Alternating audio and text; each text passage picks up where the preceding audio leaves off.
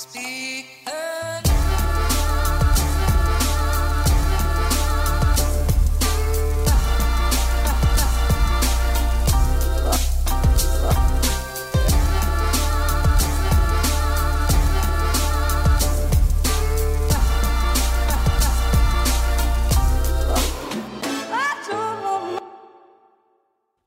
God dag og velkommen hit til Klagemuren. Mitt navn er Kevin Kildahl, og det er mandag 24. oktober.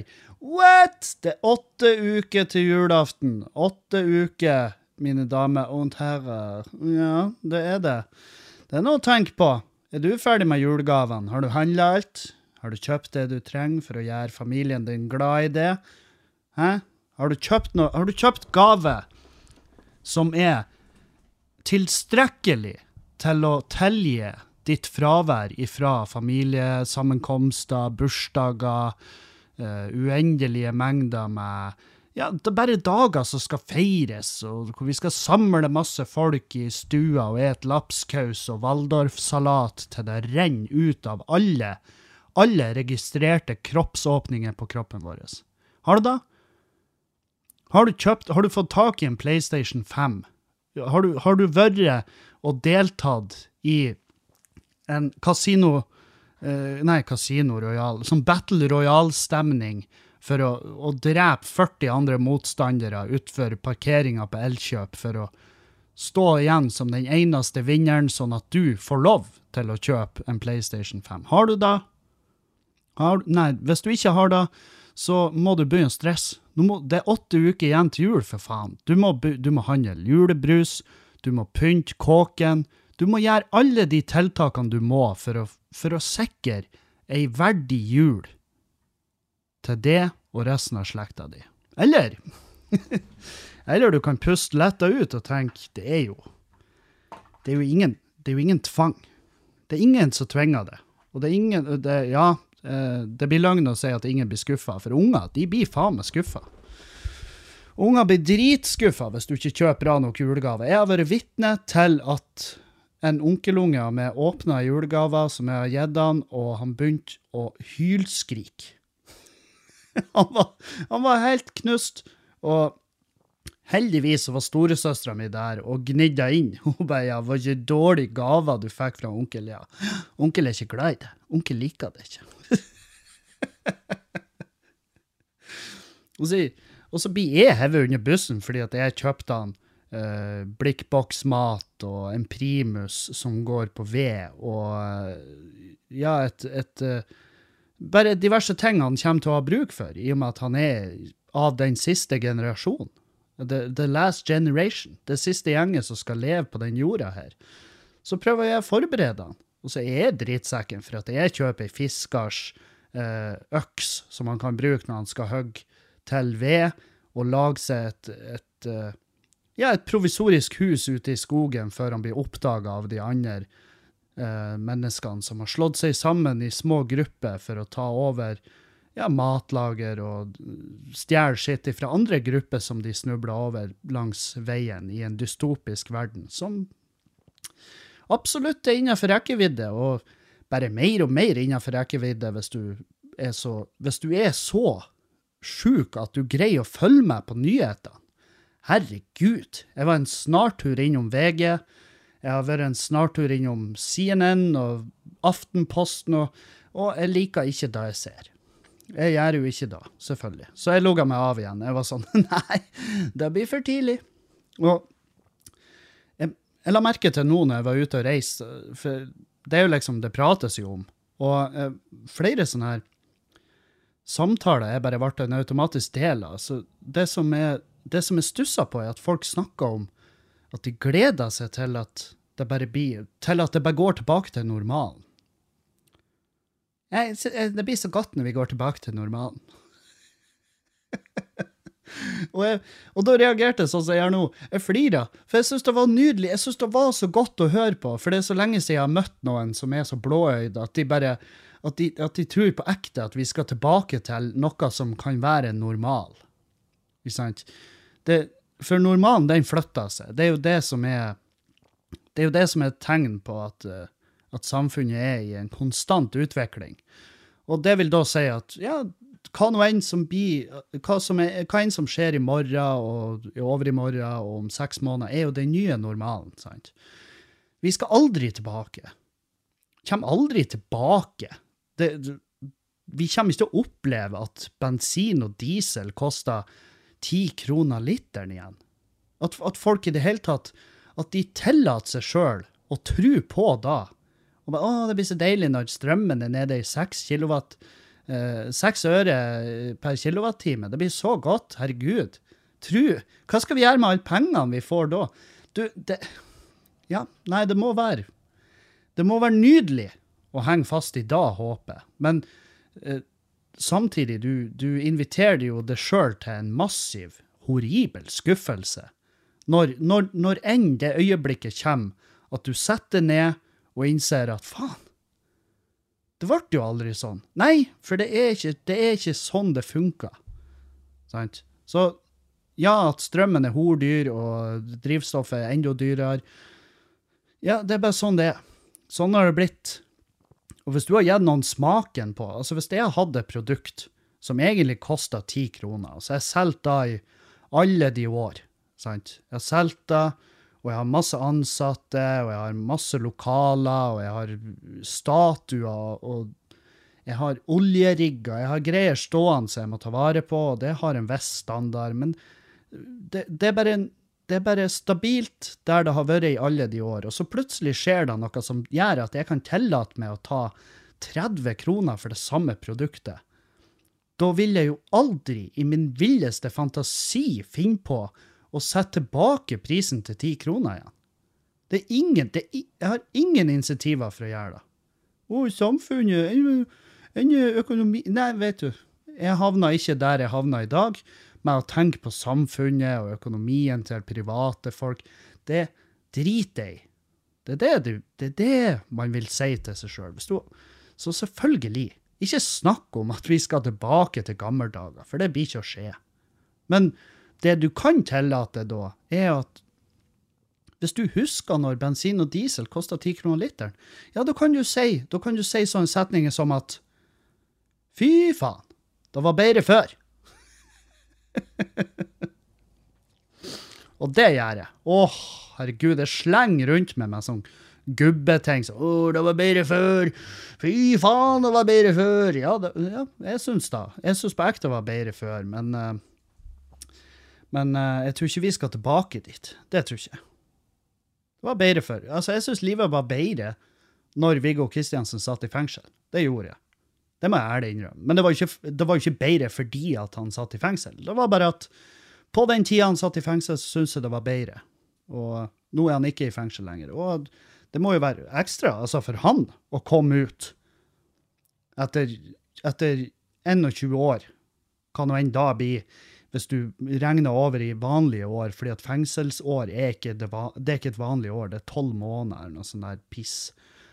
Og gudene vet hvorfor de gjør det, om det er noe vi har tatt ifra, sikkert fra England, som bare, som bare plent nekter å være med på sånn som resten av verden gjør det, med beregninger av alt. Hvem vet? Men Nei, det var, det var likere før. Og, eh, og eh, jeg har jo Det har jo vært begivenhetsrik to uker her. Fy faen, det, det står altså i full brann. Men jeg vil si på en positiv måte. Det er mye arbeid, og det er mye bra arbeid for tida, så det eh, kan jeg bare klappe meg sjøl på skuldra, og så kan jeg klappe folk rundt meg på skuldra, og så kan jeg klappe alle andre som jeg bare møter på i en, ja, i en gang eller i en heis. Klapper de på skuldra og sier du, det du gjør, knallbra. Hva nå enn du gjør. Bare fortsett. Det funka for det, åpenbart. Du står jo oppreist. Så Men jeg, jeg, jeg klarte jo ikke å la være. For det var liksom eh, eh, Jeg har tatt en del fly. og jeg tok fly nå eh, fra Mo i Rana til Trondheim og så videre. Jeg skal snakke mer om den reisen. For gud bedre for en, for en, for en reiseplan jeg har lagt opp for meg sjøl. Men i hvert fall. På flyet fra Mo i Rana til Trondheim så klarte ikke å la være å bryte inn i en samtale. For da var det ei dame og en mann, og så leste hun på den saken om at Viggo Kristiansen er blitt løslatt. Det kom liksom ut når vi landa i, eh, når vi landa i Trondheim. Og, og hun var sånn Å, herregud. Endelig. Tenk. Tenk at han uskyldige Altså, han har vært uskyldig hele tida. Han har vært helt uskyldig hele tida, og han mannen var sånn Ja, det er jo, det er jo helt fette vilt. Det er jo tidenes altså, det er jo tidenes justismord noensinne. Og, og det er det jo. Det er vel, eh, det er vel ingen som har sittet lenger inne i Norge på um, å være uskyldig i akkurat det de var, ble satt inn for. Um, men jeg klarte jo ikke å la være å bare sånn Ja, men nå må ikke vi huske at han har jo Han, han forgrep seg, han forgrep seg på ei sju år gammel jente. Over tre år. Og ja, så hun var vel ikke sju år gammel når overgrepene stoppa, men hvis du skal gjøre matematikken på det, så forgrep han seg på mens hun var sju og ti år gammel. Og det, det er jo uh, bare verdt å nevne, sånn at ikke nå når Viggo slipper ut, at hun liksom er løslatt, og, og han har fått omgjort dommen og fått en rekke beklagelser, som han, som han burde, så har han vel, så vidt meg bekjent, ikke sona for det overgrepet mot hun sju år gamle jenta. Og det har han tilstått. Og, eh, og eh, ja, så, så bare sånn Jeg ville ikke starta en bokklubb med han. Jeg ville ikke Herregud, hvordan vi, vi må jo ta ansvar for å liksom gjøre at han føler seg velkommen i samfunnet igjen. Jeg, jeg ville i hvert fall ikke jeg ville ikke ha hatt han som barnevakt. Jeg hadde ikke satt han til å passe på ungene mine mens jeg var på ei hotellhelg i, i Frankrike i lag med mannen min. og bare, ja, det er noe så deilig å kan, det er så deilig å kan sette bort ungene til han Viggo mens vi har kosa oss i Marseille. Hæ, er det ikke da, kjære? Er det ikke deilig å kunne supe innpå meg med deilig, deilig rødvin fra distriktet her, mens vi vet at ungene koser seg hjemme i lag med Viggo? Som vi tok på oss ansvaret for å føre tilbake i samfunnet, så han kunne føle seg som et, som et normalt fungerende menneske. Og um, han har jo sittet 21 år, og det er jo 21 år som, uh, som han aldri får tilbake. Det, det er ubestridelig. Men det er jo også ubestridelig at han har en dragning mot barn. Og det var jo nettopp den saken med hun sju år gamle jenta, eksempel, som styrka liksom trua på at han var skyldig i Baneheia-drapene. Og det er jo uheldig, men samtidig Det faktum at han gjorde det mot hun sju år gamle jenta, det vil ikke forsvinne, uansett hva folk sier. Og um, så, ja, på mange måter ser jeg på som at han har sona kanskje den straffen. Men det er nå bare meg. Og eh, hvem i faen bryr seg om meg? Ingen. Ingen. Jeg skal fortelle dere noe annet jeg ikke bryr meg om. Å, helvete, det her. Dere, dere må gjerne google det, bare for å få bekrefta at det er sant. Men i Norge så har vi altså da en, en, en flust av intetsigende musikere. Og blant de så har vi ei altså, som heter Mariann Aas Hansen. Uh, og hun er en typisk eh, Jeg vet faen hvem jeg, hvem jeg kan sammenligne med, fordi at det er ingen av de jeg husker navnet på i full fart, men det er den type musiker. sant? Du kunne ha vært på tre konserter med henne, og det er fine konserter, hun synger bra, og det liksom, hun har en viss sjarm, men man merker at jeg kjøper ikke helt det. Jeg kjøper ikke hele det her, det her eh, vesenet. sant? Jeg tror ikke hun er så glad i jul som hun sier. Og og så har hun et firma sant, som heter Made in America Productions, men hun eh, turnerer i Norge med julekonserter. Det er det hun gjør. Og det her firmaet hennes, som hun eier i lag med mannen, eh, de har Altså, de påstår at de eier ordet. Ja, hør meg nå. De påstår at de er eiere av ordet julefred. Hæ?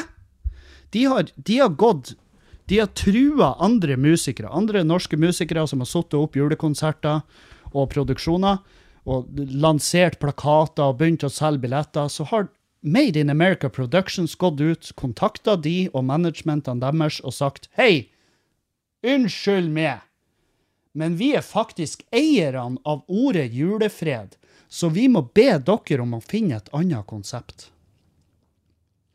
Har du, altså, har du hørt om en mer kynisk jævla kålrabi-dealer i hele ditt jævla liv? Jesus, for ei faens ultrakønt! Hvem i svarte satan tror du at du er? Når du skal begynne å Når du skal begynne å ta patent på det norske jævla språk. Nei, veit du, veit du med hva? jeg ble faen meg, jeg ble på ekte forbanna når jeg leste. Jeg, jeg var sånn Jeg har lyst til å sende henne en melding og bare Hei! Hei, ditt vandrende, pulserende kjønnsorgan. Skjerpings, bitch. Ta og rull inn nebbet. Det er altså faen meg at du våger. At du har skamtarm. At du Altså, at det er mulig å være så fette frekk. Og i tillegg, jeg tenker sånn Hvis For jeg, jeg, kan, jeg, er jo ikke en del av musikermiljøet, sant? så jeg kan liksom ikke samme Men jeg, jo, jeg er jo en del av komikermiljøet. Og hvis en komiker i Norge hadde begynt å skulle ta patent på ord, og begynt å, og begynt å, eh, å straffeforfølge kollegaene sine fordi at han har tatt patent på ja, du har ikke lov å bruke ordet, du har ikke lov å bruke ordet gøy i tittelen på showet. Du har ikke lov å bruke ordet eh, latter og glede. For latter og glede, det tilhører latter nede på Aker Brygge. Nei, det gjør ikke det. Latter på Aker Brygge, det er latter på Aker Brygge. De har ikke patent på ordet latter. For latter er et ord i det norske språk som enhver jævla mann eller kvinne får lov å bruke fritt som de vil, uansett hva det er de setter opp for noe.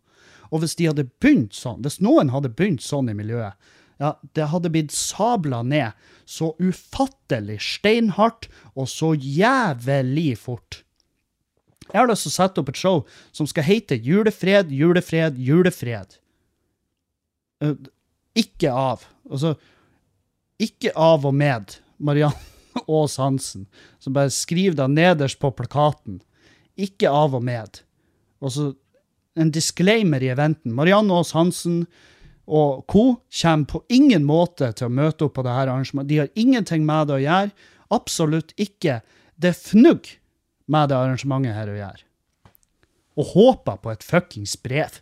Gud bedre, da hadde jeg hadde mollkosa meg. Jeg hadde printa det Vet du hva du kan få gjort? Nå er det, det websider der du kan bestille fototapeter. sant? Så der kan du bare laste opp ei bildefil. Hvis den er av grei nok oppløsning, så kan du få den printa som en tapet så du kan henge på veggen din. Ja, vet, det er helt Fremtida, folkens, den er nå, og vi lever i den. Herre fred, det er så deilig. Er det ikke deilig? Jeg, hvis jeg hadde fått det brevet fra Marianne Aas Hansen og Made in America Productions, jeg hadde fått det printa som en fototapet, og så hadde jeg forret nedover hvor nå enn i faen de her jævla kålskoltene holder hus hen, og så har jeg, så har jeg tapetsert huset deres i deres eget trusselbrev. Og så bare latt det være med da. Og så bare latt de stå opp til å se at deres eget heim er blitt tapetsert med deres egen kynisme. Det hadde vært fantastisk. Det hadde vært nydelig. Skal vi se, nå ringer Jørnis. Hei, Jørnis. Halla. Du, det er bra. Jeg snakka med Jan Tore og Ole nå. Ja. Først og fremst, folk er litt lei av deg. Uh, nummer to, har du lyst på hangover? Er folk lei av meg? Folk er dritlei av deg. Å ja, hvorfor da? Jeg kødda. Det var, det var en helt rar vits, random vits. Ingen er lei av deg, Kevin. Ikke tenk på dette. Ja, Og ikke få angst, vær så snill. Nei, nei da, jeg, jeg svetter jo litt. Jeg gjør jo det. Men Men eh, jeg har lyst til å ta over en hangover i november. Syns jeg du skal. ja, ja. Når er det i november? Hva sa du? Når i november? Søndagen Søndag i november. Skal vi se siste søndagen i Så kaller du det Kevin flytter til Oslo hangover. Jeg vet hva? Ta første søndagen i november. Siden du flytter til Oslo da. Vent litt. 6. november. Kombinere med flyttingen. Ja, men er ikke det bra sånn velkommen til Oslo hangover? Kevin har flyttet til Oslo, han inviterer sine venner. Hangover. Alla kommer i hus før. Han bor, han bor i hus 1. november, og det er møblert leilighet han kommer til. Det er ikke så mye han skal på damme seg jakker og flytte inn. da. Og eh, jakka og eh, PC-en min. Jeg bør ta med PC-en. Men eh, du, du er på podkast nå, forresten. Å ja, er jeg, er jeg det? Så er jeg så slem og snill samtidig. Ja, men det er en grei måte å få det, å få det annonsert, da. Jeg, skal, jeg skal ønske jeg kunne si dette er første podkast jeg ringte meg inn i i dag. Men jeg ringte meg inn til en betraktelig mer suksessfull podkast i stad. Hvordan da? Ved et uhell. Hvordan pod? Må på behandling med Morten Ramm. Å ja. ja. Nei, jeg har ikke hørt den. Nei, den, er, den har litt flere lyttere enn din. Ja. ja, ja. Nei, det er vel en slags rettferdighet der. Det er vel, liv, det er vel livredde leietakere som hører på Har du sagt til lytterne at du skal flytte til Oslo? Om jeg har sagt til? Lytterne dine at du flytter til Oslo? Ja da, jeg har droppa da. Det er liksom Ja da. Du har det, og da har du sagt til dem at uh, uh, hva du skal i Oslo? Ja, altså, de vet jo hva jeg skal der nede. De, de vet jo de tror ikke jeg følger håpet om en karriere innenfor ren rus, men mest av alt standup. Det, det er eh, fantastisk. Mm. Nei, men, ja. jeg, men eh, før du annonserer noe, så må jeg bare få sjekka at det flyet jeg skal ta fra Narvik, eh, at jeg får det til å passe. Jeg annonserer ingenting, så ta én uke om gangen. Ja, kult. Perfekt. Kos deg podcast. Yes. Hva kaller du lyttene dine? Lyttefjes? Eller er det Erlend sine? Det er Erlend sitt. Jeg kaller, jeg kaller mine for bjørnunger. Bjørnunge, ok. Det er herlig. Vi snakkes litt i lyttefjes. Ta vare på dere selv. Ha det. Ja, nei da. Der, ja. eneste grunnen til at jeg ikke stoppa opptaket der, det var for å bare for å bare bevise for dere at av og til så ringer Jonis med. Tenk, hæ? Gullruten-Jonis! Ring Kevin! Her han sitter i et, i et uh, bare et lite trangt rom og feit og full av svette og lukta avføring. Jeg, tror ikke jeg lukta avføring, jeg har dusja i dag. Men dere skjønner. Det er ikke så jævla lang vei til toppen i Humor-Norge, når man bare plutselig kan bli ringt og spurt om sånne her hyggelige ting. Hangover i Oslo er jo et, et arrangement jeg har deltatt på et par, par ganger, og jeg syns det er en veldig fin, fin ordning. Så det, det er en stor ære å få tilbud om å ta del i da. Men eh, ja, hva, hva, hva, var vi snakka om før han Før jeg ble så rudely interrupted? To sek. Ja, faen, det var jo det Marianne Aas Hansen-greiene, og det, det må vi vel si oss ferdig med. At vi kan ikke, for det første ikke tillate noen å ta patent på ord i det norske språket, og samtidig, hun må bare, faen meg, kom, bare prøv det. Jeg skal sette opp julefred. Det, det sier jeg her og nå. Jeg skal sette opp julefred, come at me. Jeg darer dere, skitne horer. Jeg blir, jeg blir så aggressiv når folk prøver å altså Det er bare følelsen av at noen sier til meg hva jeg ikke kan gjøre, og hva jeg kan gjøre. Og hvis det er ting som jeg ser på som en fucking selvfølge at jeg kan gjøre hvis jeg føler for det, ja, da blir jeg lynings. Da blir jeg jævlig forbanna.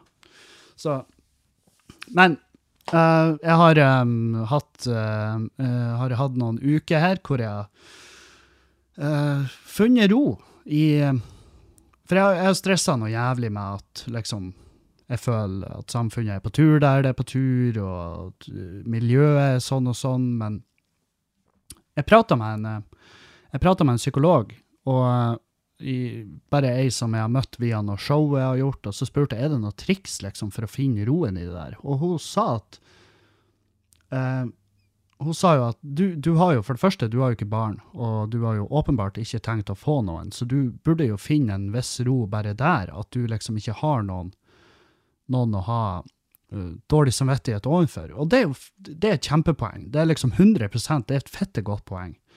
Um, og så sa hun en annen som jeg hengte meg litt opp i, var litt sånn Du kan jo også finne ro i at det er ikke noe du kan gjøre.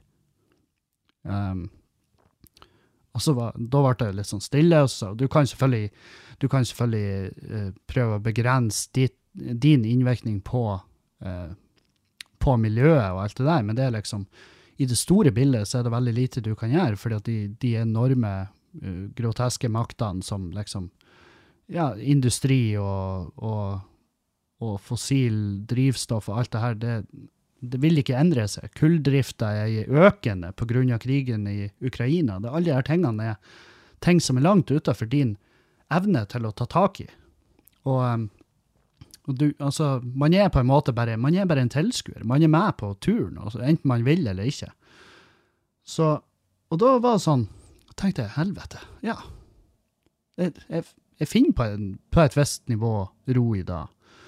Og eh, selvfølgelig det her at jeg bor i Norge, som, som klimamessig er vel et av de landene som skal fistes i hjel sist. Men, men ja, nei, vet faen. Jeg, jeg bare Jeg tror jeg har funnet roen i at jeg har på en måte bare gitt opp. Og det er litt deilig. Det må jeg ærlig innrømme. Og jeg, jeg ser, ikke sant, eh, Last, Last Generation, som er en sånn der Ja, det er klimaaktivister. Og de har siste uken gjort masse hærverk på museum, hvor de har kasta tomatsuppa, og nå sist så heiv de hva det var, potetmos. Renna. Og jeg må få lov å si, jeg så den videoen. De har hevet potetmos på Claude Monet eh, sitt maleri som heter Høystakker. Og det er, ikke, det, det er på ingen måte mitt favorittmaleri, eh, verken av noen eller Claude Monet. Men det er nå et helt Det henger noe der, sant? Og de har tatt seg inn på museet, sikkert som helt vanlige gjester. Det jeg ikke skjønner, er at de kommer seg inn på museet med masse potetmos. Altså, jeg ville jo ha stussa. Jeg ville ha, som sikkerhetsvakt på et museum, så ville jeg ha stussa steinhardt hvis noen kom inn med potet, ferdiglaga potetmos og spør Ja, men vi må jo ha noe å ete. Ja, men det er en, det er en kafé her. Det er en kafé her på museet, og vi prøver å få hjulene til å gå rundt. Og vi må nesten forvente at dere som kunder som kommer inn her, spiser på vår eh, restaurant, og ikke tar med dere potetmos. Sant? Jeg ville begynt der. Men i hvert fall, de har potetmos på maleriet, og så limer de seg fast i veggen. Eh, Det er det de gjør. De har med seg superlim, så de bare smør på handa, og så smekker de handa på veggen. og så... Jeg syns det er litt artig, da. Um, og så har de en lang tale sant, hvor de f.eks. sier at i 2050 altså Forskere har sagt at i 2050 så vil vi ikke klare å, å mate oss sjøl. Altså da, er det, da er det forbi det punktet. Og jeg var sånn Ja, nei, oddsen for at jeg er her i 2050, da jeg er 61 år gammel, mener jeg fant ut. Etter jeg har brukt kalkulator. Jeg gadd ikke å ta det der i hodet. Men da er jeg 61. Og det vil si at jeg vil, jeg vil ikke ha satt masse penger på at jeg ennå eksisterer når jeg skulle ha vært 61 år gammel. Jeg vil ikke ha satt djevelsk mye penger på det. Eh, Det er mer en 50-50 greie om jeg faktisk er da. Men det jeg vet at jeg har ingen unger å ha samvittighet for og det er 100% sikkert. Så, så det får bare være sånn som det, sånn som det er. Og så kan vi jo spørre, Last Generation, får de Er det den beste måten å få fram budskapet?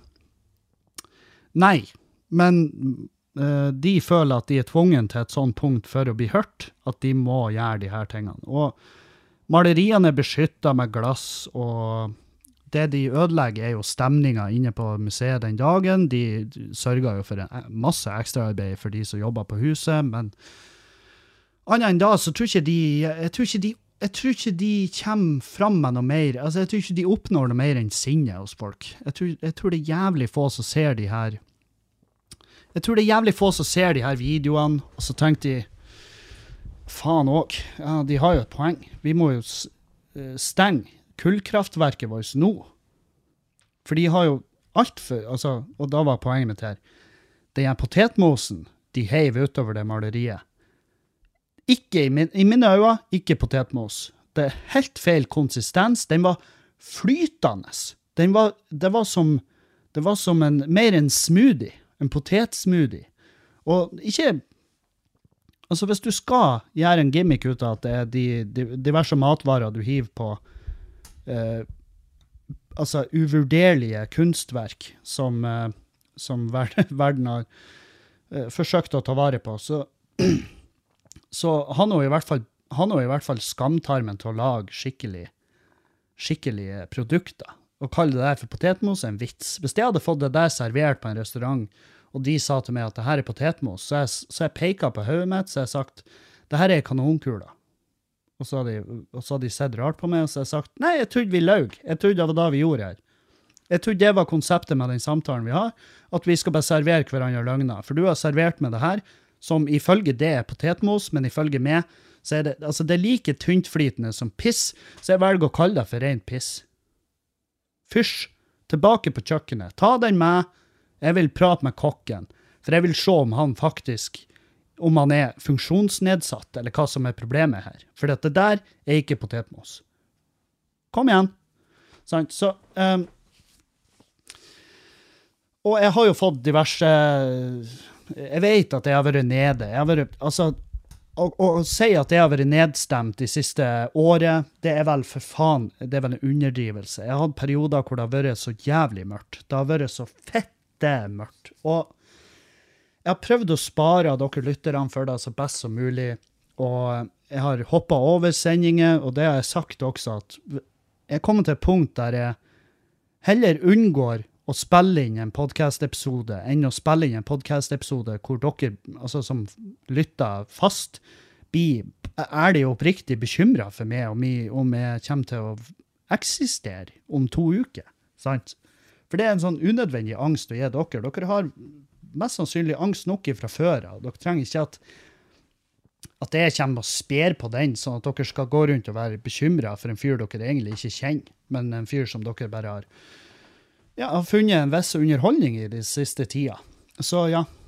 Nei, jeg, jeg vet ikke. Beklager jeg? Ja, det gjør jeg kanskje, for det har tidvis vært litt for mørkt. Og sånn i kontrast til eh, Ja, det står vel ikke i sånn kjempesterk kontrast til hvordan jeg var i starten av podkasten, men når jeg åpna podkasten Klagemuren for fem år siden Vi har nettopp hatt bursdag. Tenk på det. Fem år siden.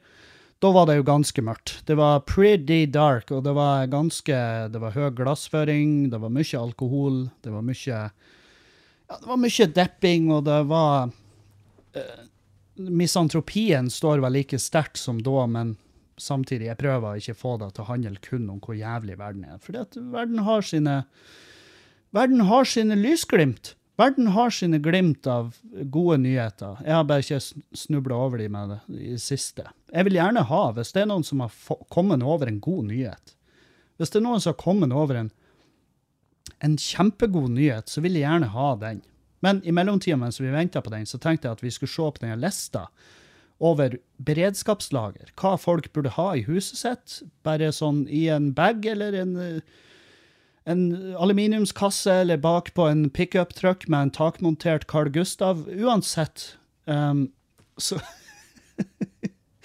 Så er det, det er liksom lagt ut en uh, anbefaling om hva man burde ha i huset sitt. Jeg så også at det var uh, en eller annen høytstilt uh, person i et verv som anbefalt folk å forberede seg på å være uten strøm. Og det er jo Det er jo aldri en, aldri en beskjed du får og blir sånn ah, ja, takk. Det, det, det har jeg ikke tenkt over. Men selvfølgelig, hvis man står i fare for å stå uten strøm, så kan det jo være greit å for, være forberedt på det. Spesielt på vinterstid. Det, det vil jeg absolutt si er, er, er der jeg ville begynt. At uh, kanskje på vinterstid spesielt er det greit å være forberedt på å stå uten strøm.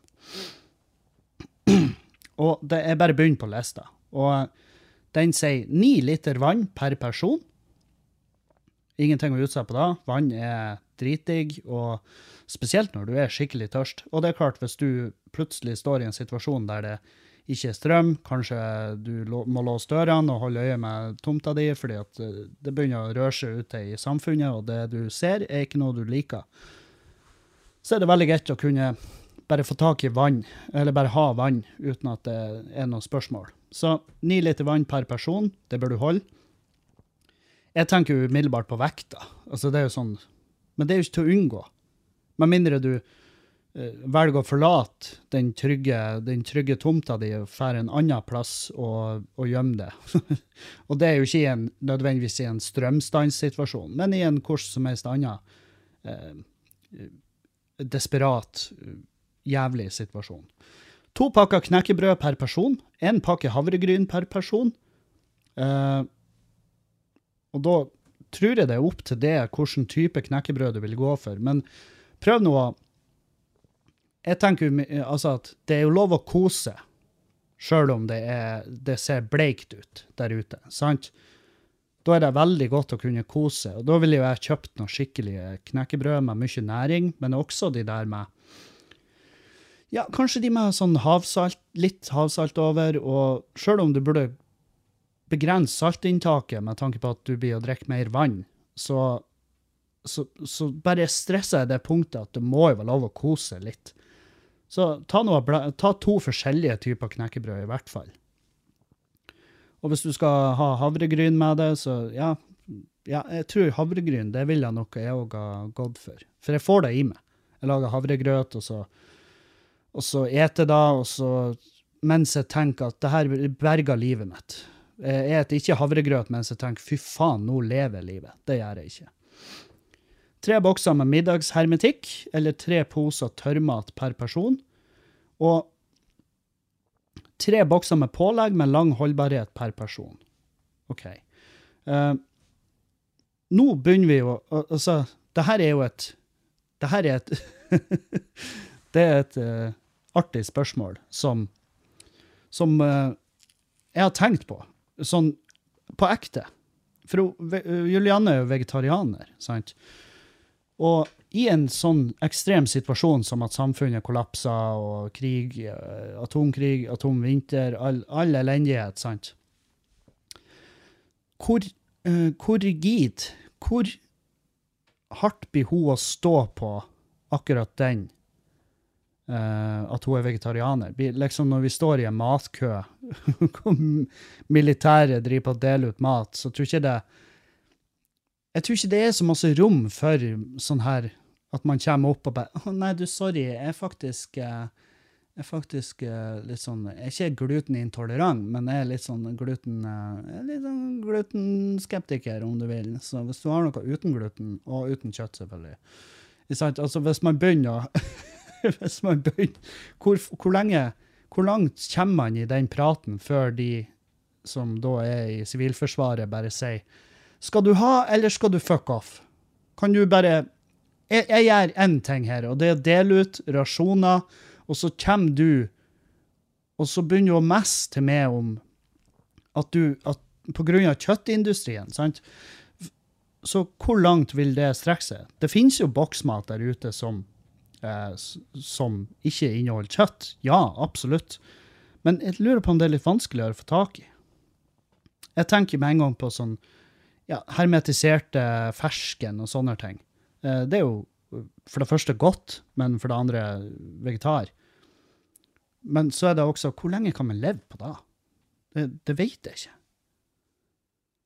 Det, man skulle egentlig hatt en ernæringsfysiolog her uh, for å ta den praten.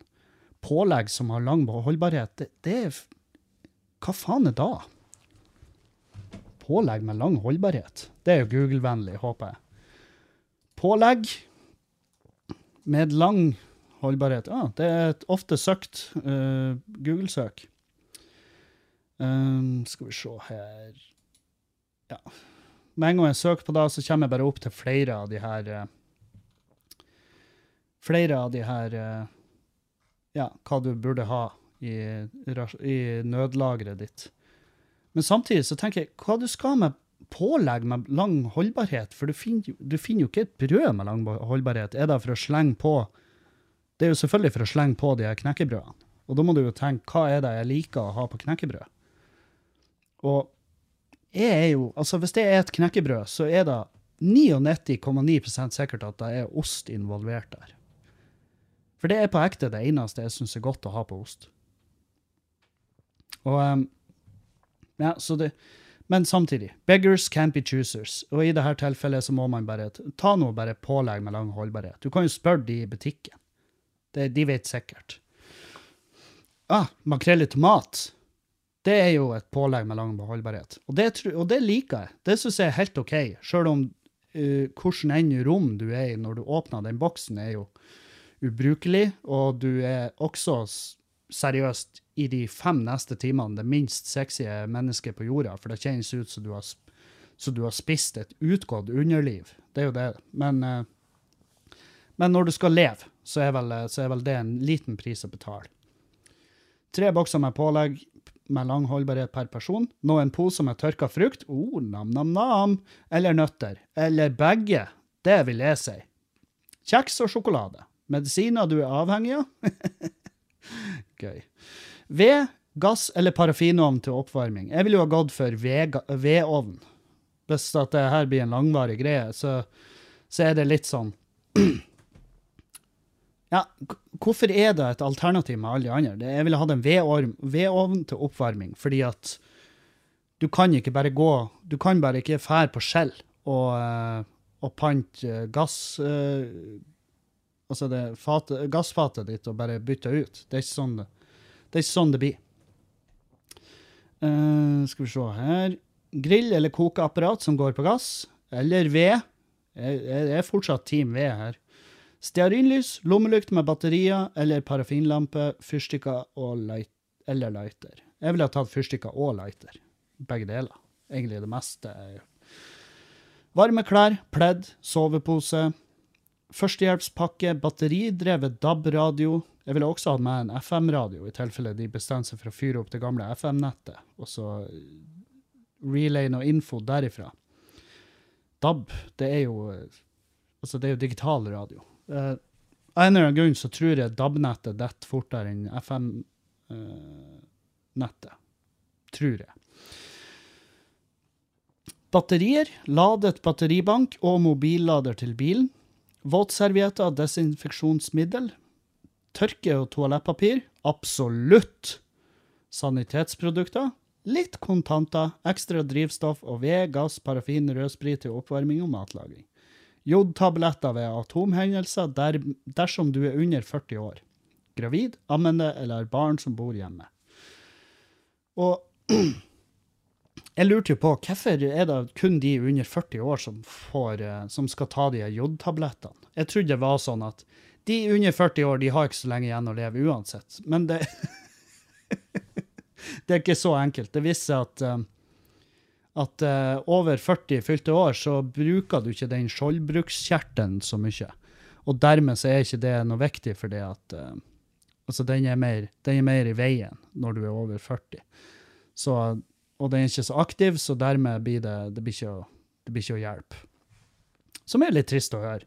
Men samtidig, som en da 41 år gammel person, så hadde jo jeg sett på meg sjøl som bedre stilt, om du vil. Fordi at eh, ja, Jeg trenger ikke å tenke på den skjoldbruks... eh, Skjold... Hva heter det da? Faen meg google òg. Skjold... Bruks... Brusk.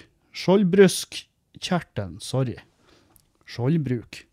Skjoldbruskkjertelen er en hormonproduserende kjertel som ligger fortil på halsen nedenfor strupehodet. Sykdommer, ja, den er Det er mye sykdommer i denne jævelen. Men hvordan kan man eh, Hvordan merker man kreft i den? Å, nå, nå hører dere. Nå klikker jeg meg inn på nettet.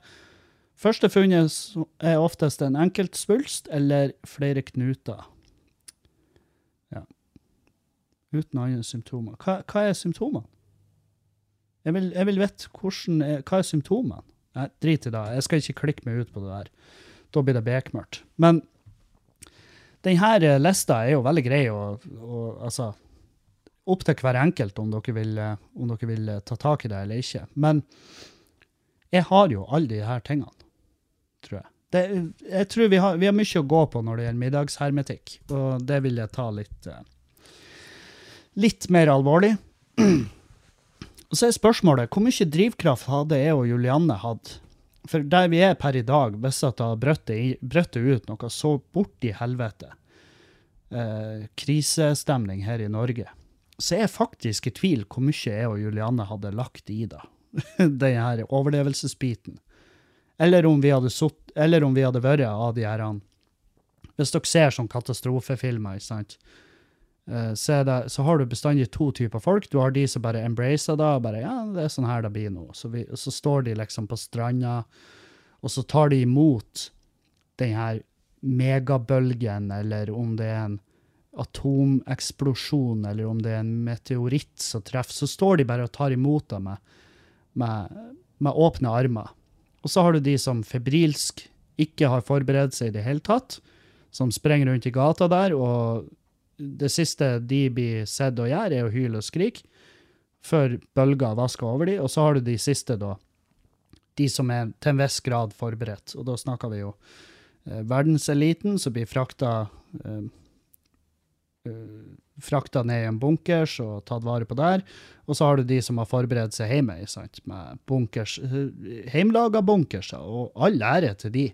Fy faen, de folkene der, de som har lagt hele sitt liv i å bygge en bunkers på tomta si, og bevæpna seg og fylt den med vann og filtreringssystemer og underholdning og bare har alt klart. Sant? Bevæpna seg til tennene. Og, og de folkene uh, får jo ganske mye piss.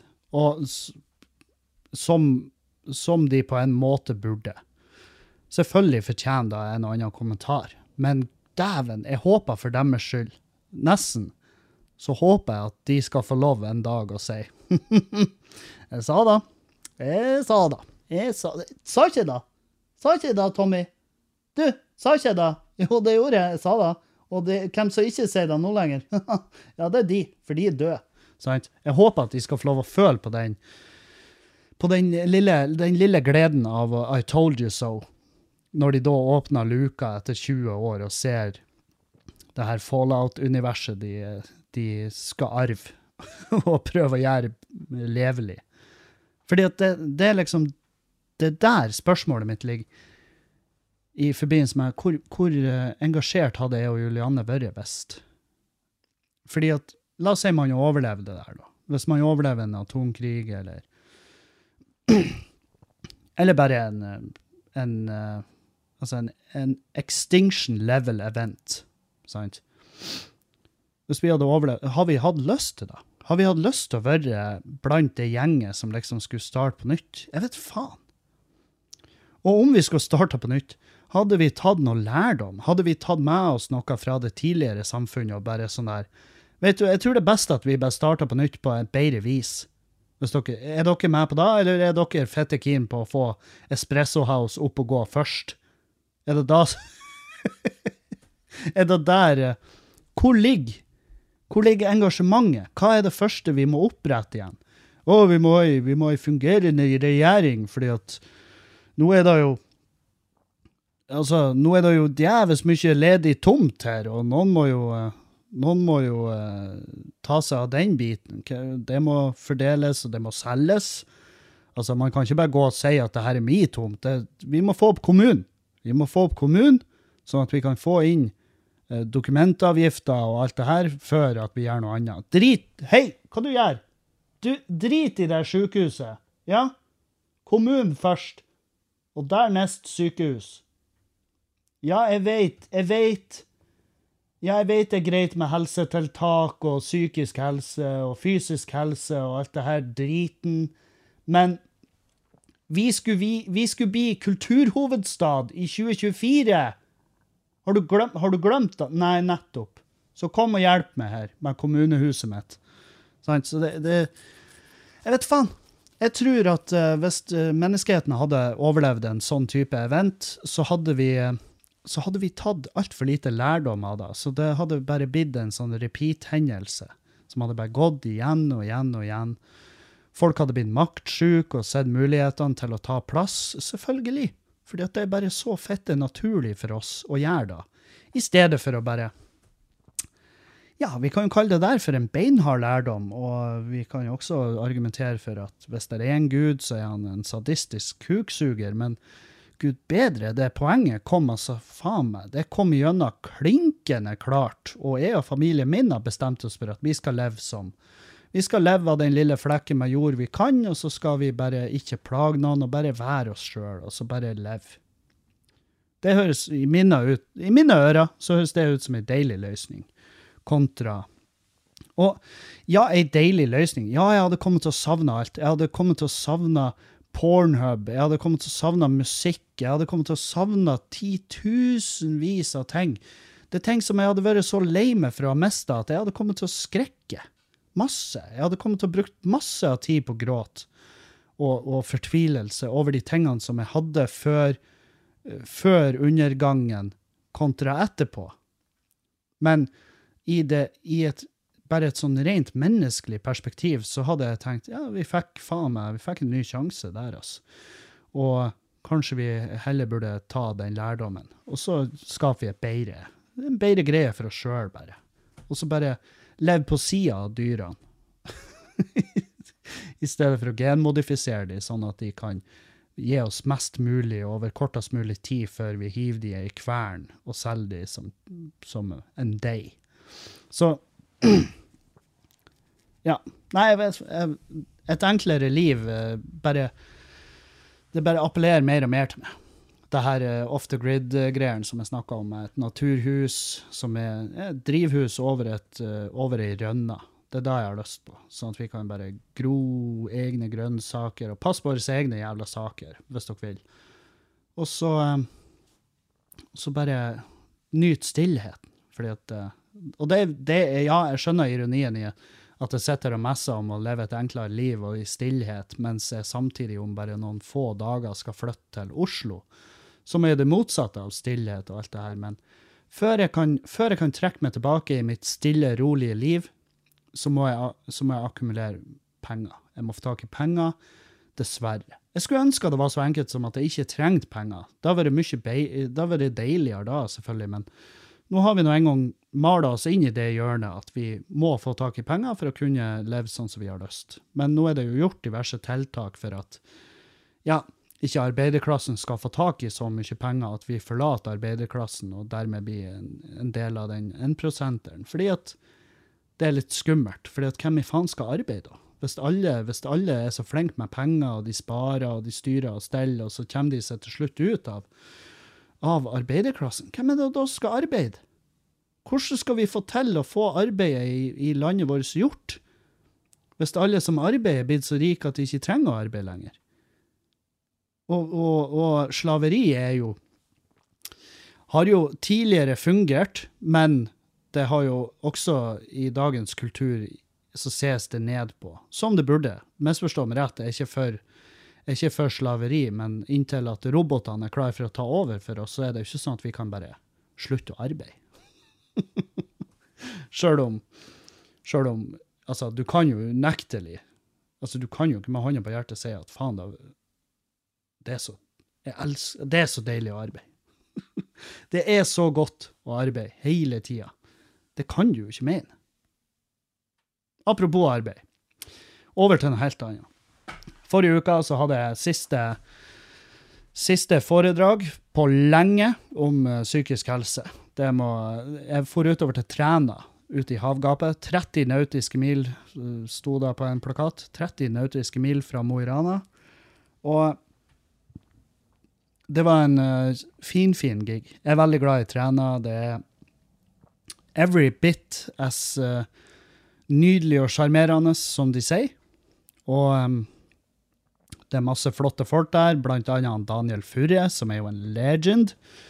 Um, men det var Jeg kom utover, de har booka meg inn på et sånt der et tårn, som de kaller det. Tårnet.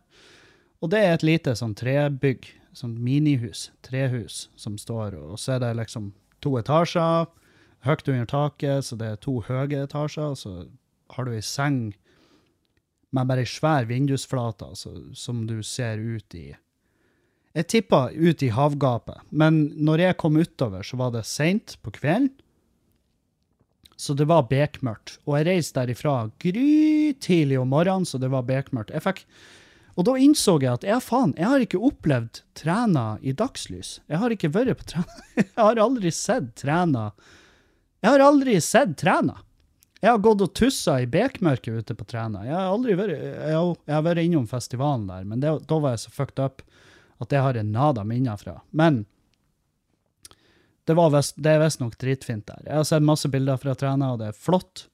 Uh, men jeg kan bare Jeg må bare stole på bildene. For jeg har ennå ikke hatt en opplevelse av Træna i dagslys. Men jeg fikk nå oppleve eh, lyset i Træna med befolkninga der, for det er et flott gjeng der ute. Og, og det var et foredrag, det her psykisk helse-greiene. Blanding av standup og prat om mørke, mørke tider i livet. Og det er veldig Det, det har en viss eh, Det appellerer til en viss grad med å gjøre de foredragene, for at det er veldig mange som takker for de og syns at de hjelper. Eh, noe jeg setter umåtelig pris på, men samtidig så må jeg ta vare på meg sjøl oppi det hele. Og det å, det å drive på med sånn det der over tid, har jeg merka at det tror jeg ikke jeg skal gjøre. Jeg skal ikke gjøre det til en fast greie. For, uh, for det, er noe, det er ikke noe artig. Sant? Det er ikke noe artig å sitte og brette seg ut og bare virkelig være sårbar på den måten. Sjøl om det av og til trengs at noen gjør det, så føler jeg ikke nødvendigvis at det er som burde gjøre det. En, en ting er jo en en ting er jo det her å snakke om rus når man egentlig er en, altså en rusbruker. Så og så balansere det, for å ikke virke som at jeg romantiserer det, men eh, gud bedre, jeg har virkelig nok av mørke historier med rus, men jeg har jo samtidig veldig mange bra, altså gode historier som omhandler rus. Men det er riktignok forskjellige typer rus, det er det som er viktig, men samtidig så tar ikke jeg da opp i det foredraget, fordi at, ja, fordi at uh, for det første, jeg har vært virkelig i utkanten. Jeg har vært i Lure kommune og ute på Træna. Så det vil si at det er ikke der jeg skal ta den rusdiskusjonen. Og hvis jeg hadde begynt med det der ute, så tror jeg det fort har blitt sabla ned. Fordi at ja, det er trollmasse utdatert info der ute og, og går. Og, eh, og jeg, jeg bare har det ikke i meg å krangle så jævlig mye om det. Det er derfor jeg holder jo jeg har holdt meg, forholdt meg stille i rusdebatten. eh, relativt stille. Jeg syns det Jeg har ikke så jævlig mye håp for den når jeg ser hvem det er som tar eh, avgjørelser og, tar, og gjør bestemmelser. Det er faen meg Altså, det er grå, støvete, gamle, feite menn. Og, eh, og de, er altså, de, er altså, de står bom fast i det de leste i en brosjyre i 1978, sant? Og og det gjør meg trist, men samtidig så er det sånn, det bare bekrefter for meg at det her er heller ikke en kamp du du blir å vinne alene, Kevin. Det er mange som kjemper den gode kampen, og jeg håper de fortsetter å gjøre det. Men eh, altså Venstre har gjort enorme steg i retning rusreform og avkriminalisering. Men hvis du går inn i kommentarfeltene, så skjønner du at Men eh, det er dem mot røklas. Satan. Det er altså så darkness der ute av misinformasjon og piss som foregår. Eh, F.eks. med Norsk Nar Narkotikapolitiforening, at det ikke har blitt tvangsnedlagt ennå, for faen, det er for meg bare helt vilt uforståelig. Det er så fette sinnssykt. Hvis, hvis du har lyst til å kaste bort fem dager av livet ditt, eller ikke kast, hvis du har lyst til å bli på ekte lynings og forbanna, ta og sett deg inn i Norsk Narkotikapolitiforening. Helvete for en sann jævla gave til de som har lyst til å bare være sur. Det er så fitte vilt at det eksisterer, og at det får lov å eksistere, og operere sånn som det opererer. Ja, det det er bare det, det er artig. Det er tragikomisk at det faktisk finnes. Det er, fak det er på ekte dritartig. Hvis du ser på det objektivt, så er det faktisk humo humor i det. At det, at det får lov å, å foregå sånn som det gjør. Det er altså så jævlig korrupt. Det er helt grufullt å tenke på. Men jeg er glad det eksisterer, for det gir meg en Det det gir meg i i forbannelse lignes ut med det det gir meg i ren latter og glede. For bare se om du finner, og jeg vet det ligger ute, men det, når Norsk Narkotikapolitiforening reiser rundt og holder de foredragene sine, eller jeg vet faen hva man skal kalle det. Løgn. Løgn sittet i powerpoint. Eh, ren misinformasjon i et format laga for en prosjektor, eller en flipover. Det er vel uh, kanskje det beste, beste karakteriseringa av det bunnløse skvipet de har. Og at de får lov å operere sånn som de gjør, er bare en bevis på at eh, det, det er ikke det Er det vits? Er det noe å bry seg over? Nei, det er ikke det. Så jeg var ute i Træna, for utover. Jeg hadde jo eh, eh, Det her var på torsdag i forrige uke, sant? Og eh, på fredag skulle jeg på Rockefeller i Oslo. Jeg var blitt bedt om å gjøre en klubbkveld som, eh, som heter Martin med venner. Og da, da er det Martin Lepperød, han som er the main dog. The dog eh, det, er hans, det er hans hus, og jeg er bare en hund som besøkte huset. Og det har jeg ingenting imot. For jeg liker Martin Lepperød, han er en god dude, men å kalle han en nær venn er jo Altså, vi har møtt Jeg tror vi har møttes nå, tror jeg vi har møttes fire ganger. Og, eh, jeg tror ikke, altså Hvis jeg hadde dødd i morgen, så tror ikke jeg Martin Lepperød hadde vært i begravelsen min. Det tror ikke jeg. Og jeg tror ikke mm, jeg tror, Ja, hvis det hadde passa, så hadde jeg kanskje vært i hans begravelse. Men det var også for å møte folk, da, som jeg setter pris på òg. Altså, Martin liker jeg. Jeg setter veldig pris på han. Men det er de konseptene når det heter 'med venner', så er det ekstra artig å bli inkludert når man egentlig ikke er en del av den innerste kretsen. Så Men det Jeg skulle reist på da rett ifra Træna, og det vil si at da måtte jeg ha klokka mi på ringing klokka fem om morgenen. Altså fem om natta. Og jeg gjorde det foredraget kvelden før, og så gikk jeg rett på eh, Jeg gikk altså rett i det tårnet mitt og la meg. Og det tårnet var, det var fint. Det var nydelig. De har tenkt miljø og brukt bare treverk, og, og det ser jævlig fint ut. Men den trappa opp til andre etasjen der, den gjorde at jeg bare bestemte meg for at jeg skal faen ikke lukte jeg skal ikke lukte på ei øl mens jeg er her ute. Fordi at den trappa der, den holdt jeg på å drepe meg i to ganger ædru. Sant? Så bratt er den. Og så har den sånn her Opp til andre etasje så er det sånn her en håndliste du liksom skal holde deg i. Altså sånn, som i ei vanlig trapp. Så er liksom håndtak der. Men de, det, det håndtaket, det, det må være altså det minst eh, brukervennlige jeg har sett i mitt liv. Altså, jeg, jeg klarte ikke å holde i det. Det var bare eh, Nei, det var bare farlig. Det var et farlig opphold, men jeg er glad jeg gjorde det. Og jeg skulle ønske jeg fikk se det i dagslys, sånn at jeg kunne ligge i den senga og se utover fjorden når dagslyset kom. Det var jo en drøm jeg hadde, men det får bli neste gang jeg tar turen utover til Træna. Og det blir ikke siste gang. Det blir det ikke. Men ja, så opp klokka fem blir jeg kjørt på hurtigbåten, og så skal jeg ta hurtigbåten fra Træna over til Stokkvågen. Og jeg sover jo på den hurtigbåten, heldigvis. Eh, jeg søvna umiddelbart, og så ble jeg vekt av en uh, annen altså en annen passasjer på båten som bare sånn du, 'Skal ikke du av i Stokkvågen?' Jeg bare ja. Ja, vi er her nå, du må sprenge. Så takk hvem enn i faen du var, tusen hjertelig for at du vekte meg der og fikk meg av gårde, for jeg holdt faen meg på å miste. Og hadde ikke jeg kommet meg av på det stoppet, så hadde giggen, da hadde giggen i, på Rockefeller, den hadde vært avlyst. Den hadde vært fette avlyst. For min del. Så takk for det. Eh, buss fra Stokkvågen til Mo i Rana, og så hang jeg eh, på Mo i et par timer. Og da satt jeg på mormors på Amfi og drakk kaffe og spiste en, eh, spiste en toast og drakk noe ingefærbrus. Det var trivelig, veldig trivelig liten kafé. All ære til de. Og så ble det kjørt av en lokal optiker fra den eh, kafeen og opp til flyplassen, som er Røsvoll. Røsvoll, mener jeg han heter. Og det er jo en eh, super Altså, det er det, er det mest forenkla du kan få av en flyplass. Og det er jo snakk om at Mo i Rana lufthavn skal bli større.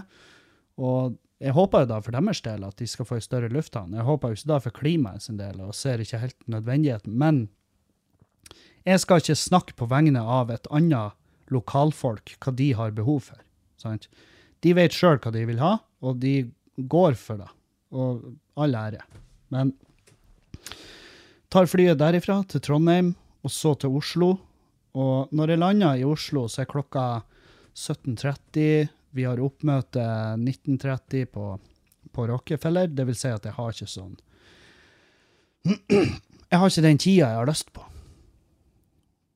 Sant? Jeg har ikke Jeg har liksom ikke Jeg får ikke den tida jeg har lyst til. Å bruke på hotellet og forberede meg og sånn. I tillegg så sitter jeg og venter på bagasjen min, sant? på bagasjebåndet. Og her er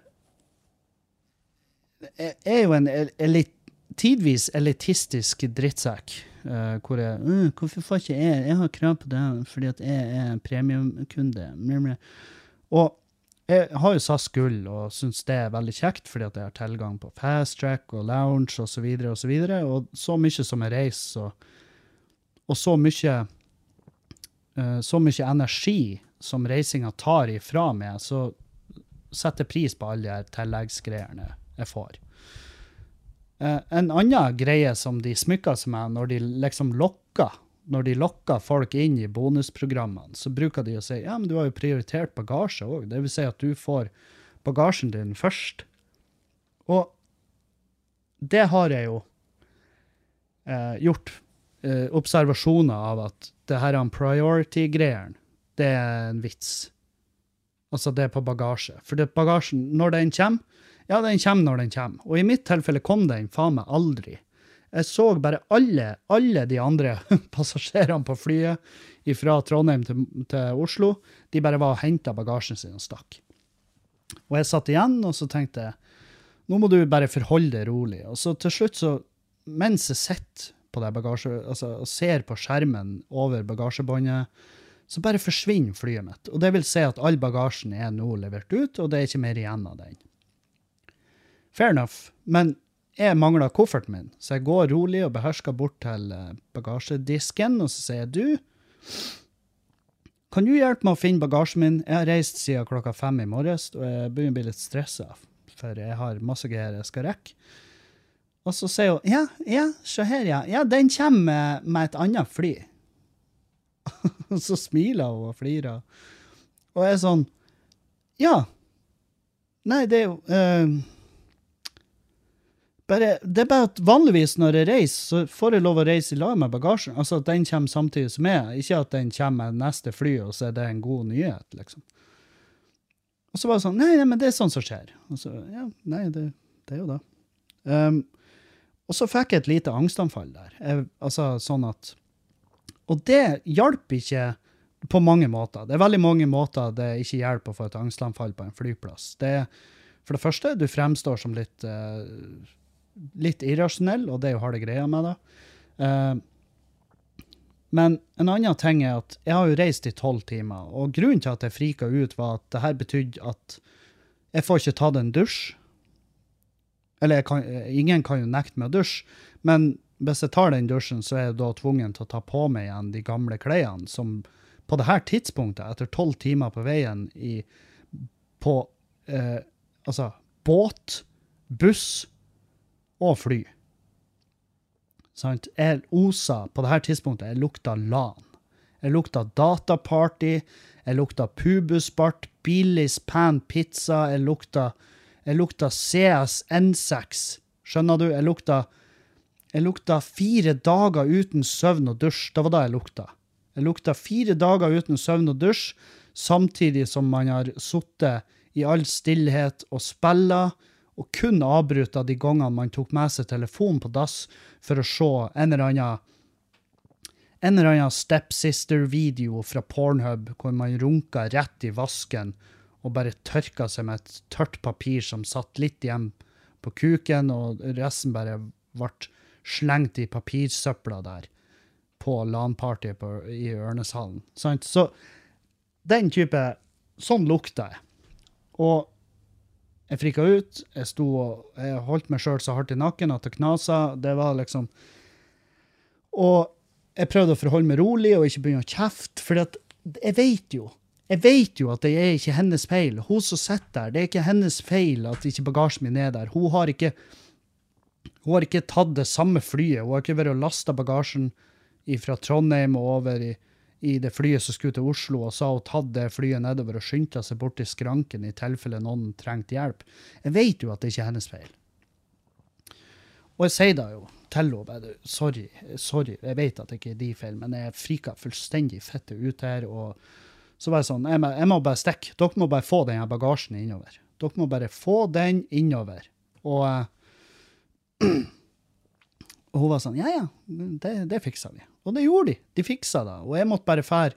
Men det er kjip, ut, kjip utgift. For jeg, liksom, jeg måtte innom på Hennes og Maurits, og så måtte jeg kjøpe meg et fullstendig antrekk, sånn at jeg kunne Uh, og, ja, og til og med på Hennes og Maurits så snakka vi jo da en tusenlapp uh, like over, da. Og jeg har ikke bare en like over en tusenlapp å slenge rundt med. Jeg har ikke det.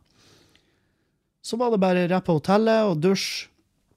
Uh, ta i bruk den, den deodoranten jeg kjøpte med på XXL på forbifarta. Og, og så var det bortover på Rockefeller. Møte Marlene, Dag, Ahmed og Martin Lepperød. Så det er Martin og venner. Det er liksom med Marlene Stavrum, Ahmed Mamov og Dag Sørås var en overraskelse.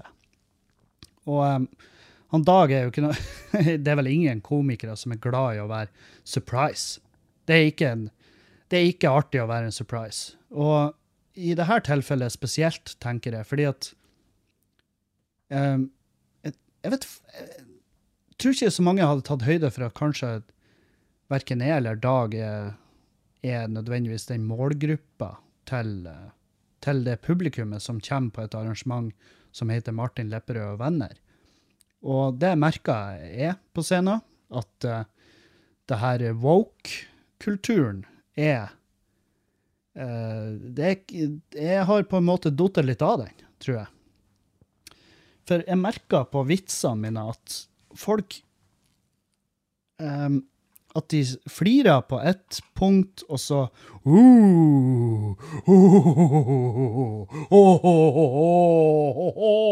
Sånn tilbakemelding på de punktene jeg gjerne vil ha mest latter, eller gud forby kanskje en liten applaus. Så, så jeg merker at det er ikke Det er faen, det her er jo på, på ekte ikke mitt publikum. De, de, de, er, de er medium underholdt per nå, sant? Og jeg gjorde det ikke dårlig, jeg gjorde det bra, men men eh, jeg merker at der, det er liksom en helt annen flyt og en helt annen gjeng, og det, og det å skulle eh, bli her de, det, det hadde jeg på en måte ikke det verktøyet for. Jeg reagerte spesielt i en bit der det er det, For dere som har hørt den homofobe russer-biten min, hvor jeg snakka om ja, en, en, eh, en ordutveksling jeg hadde med en fast gjest på Skubare, som jeg anser som en kompis av meg, som er en, som er en russisk bilpleier som ikke syns at homofili er noe tøft.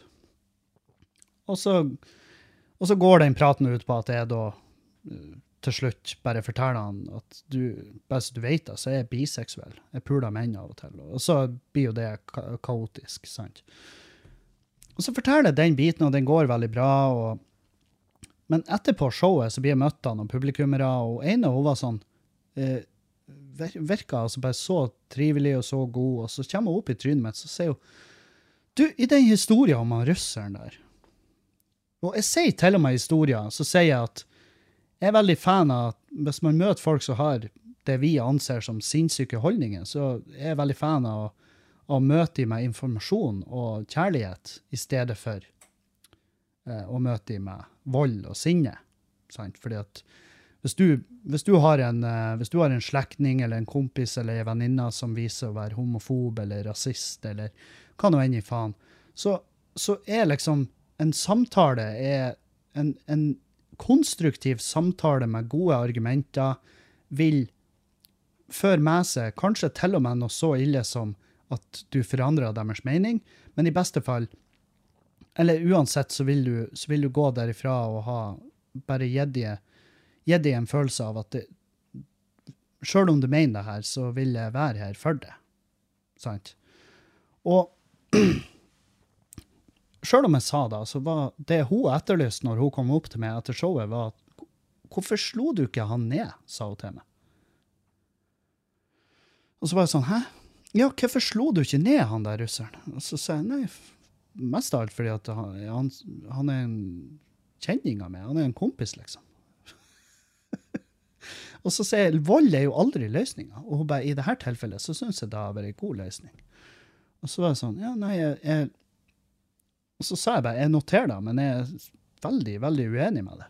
Fordi det hadde bare ført til at han hadde enda mer av det hatet. Og i hvert fall etter, etter jeg har sagt at det er, sånn, at det er en halvhomo, sant? Som vi, som vi kaller det på Halsa. Og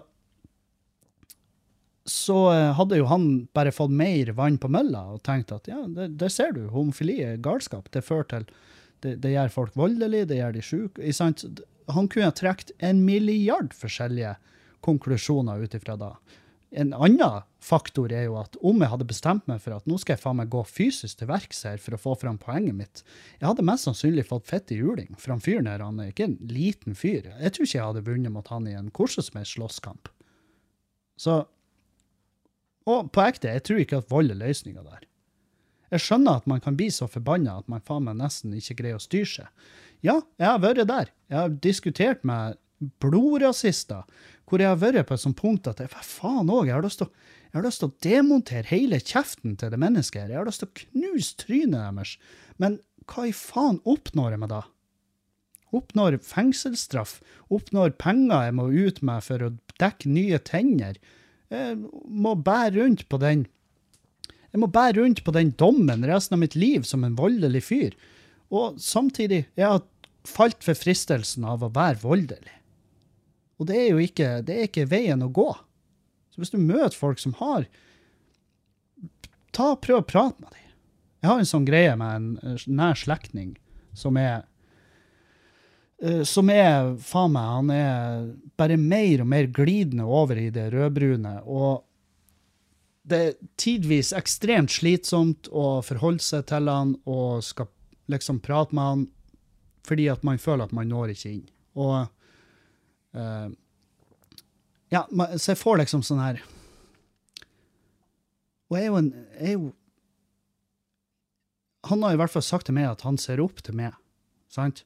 Så jeg tenker at det her det er jo en ypperlig mulighet for meg å kanskje bare via, via god informasjon og en god samtale, så kan jeg faktisk få han til å vende tilbake til det normale. Men et, han er Han er altså Jeg tror han er mer timer på internett iblant vennene sine og de samme meningene der.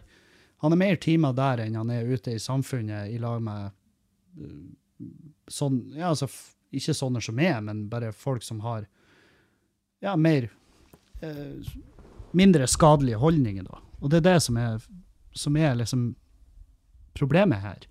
Det er at når folk havner på utsida Og det her var også en del av en del av eh, hele den verdensdagen for psykisk helse.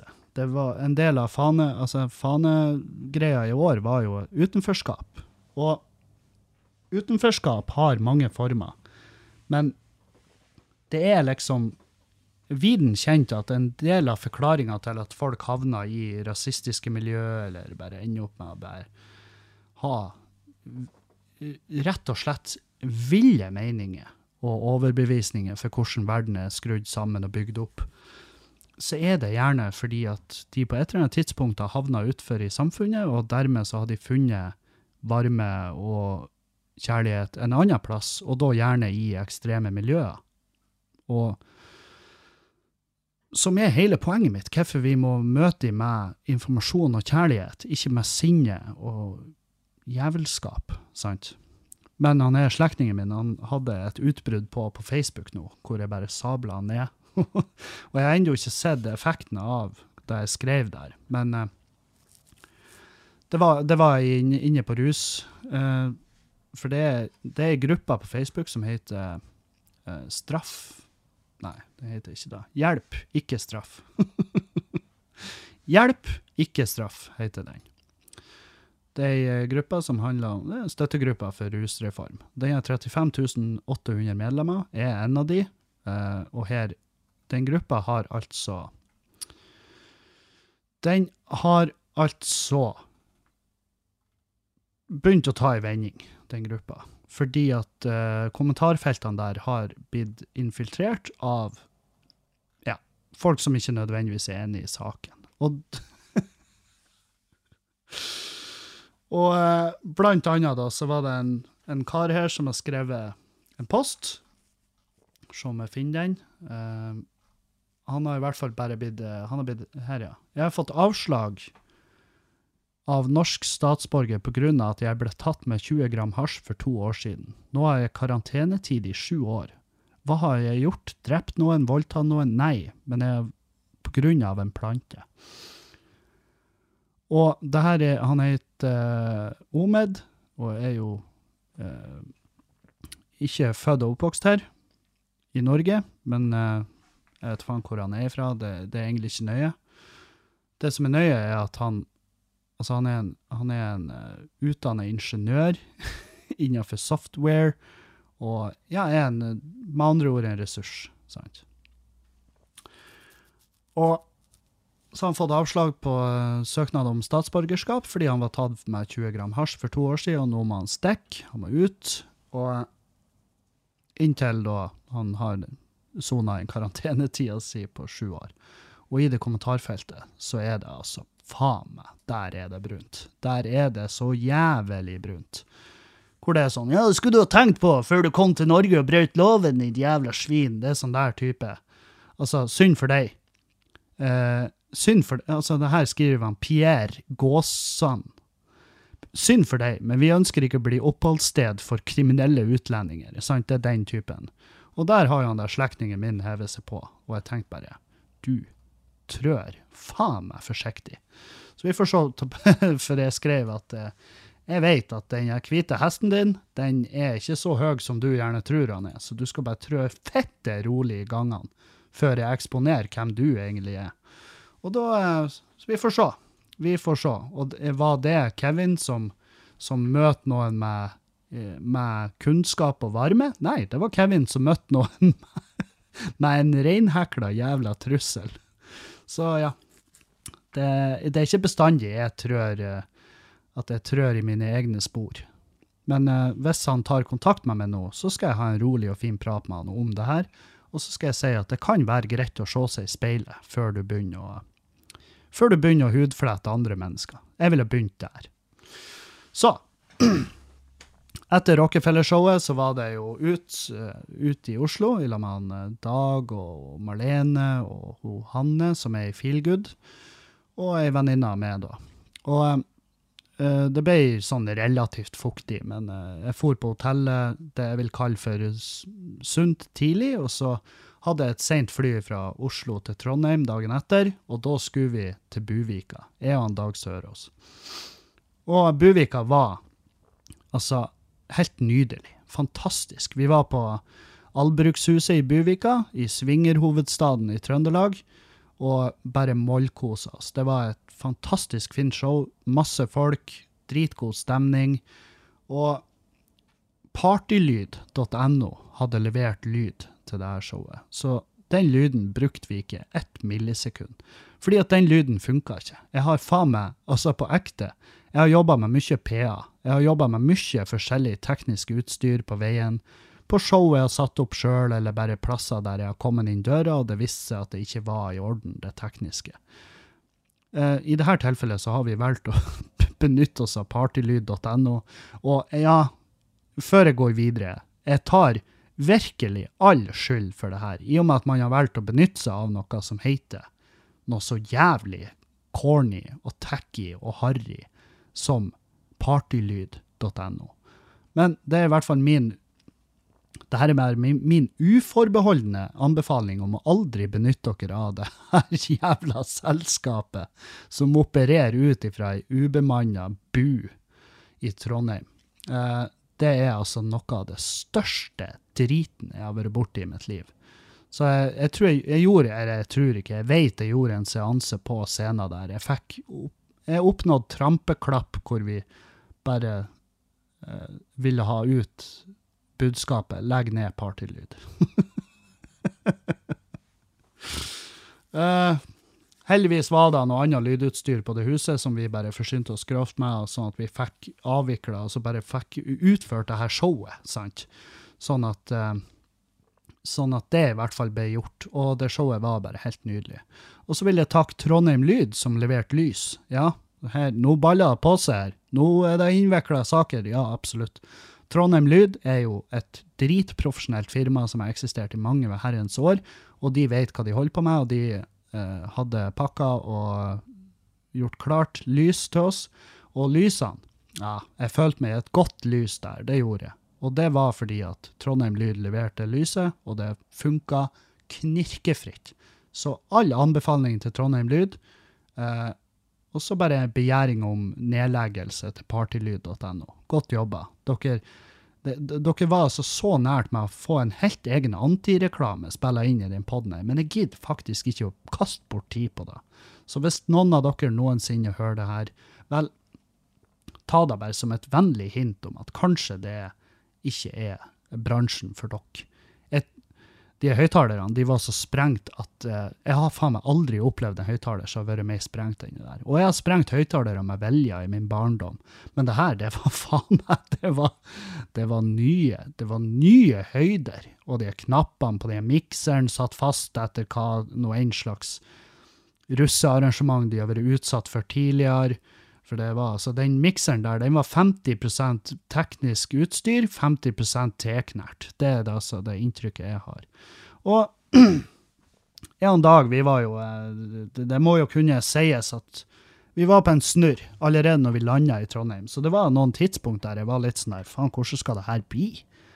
Altså, vi, når vi landa i to-halv tre-tida og allerede var eh, Ja, smila, smila mer enn vi, vi burde, med tanke på hvor vi var i livet, sant? Så, så hadde vi en viss glede der som var kunstig som faen, men herregud, jeg er glad vi hadde den. For vi, enhver hump i veien, den møtte vi bare med et smil og en latter, og bare Det her blir dritnice. Og det ble det. Det ble en fette bra kveld på Buvika, i Buvika. Tusen hjertelig takk til alle dere der. Det blir ikke siste gangen. Vær du trygg.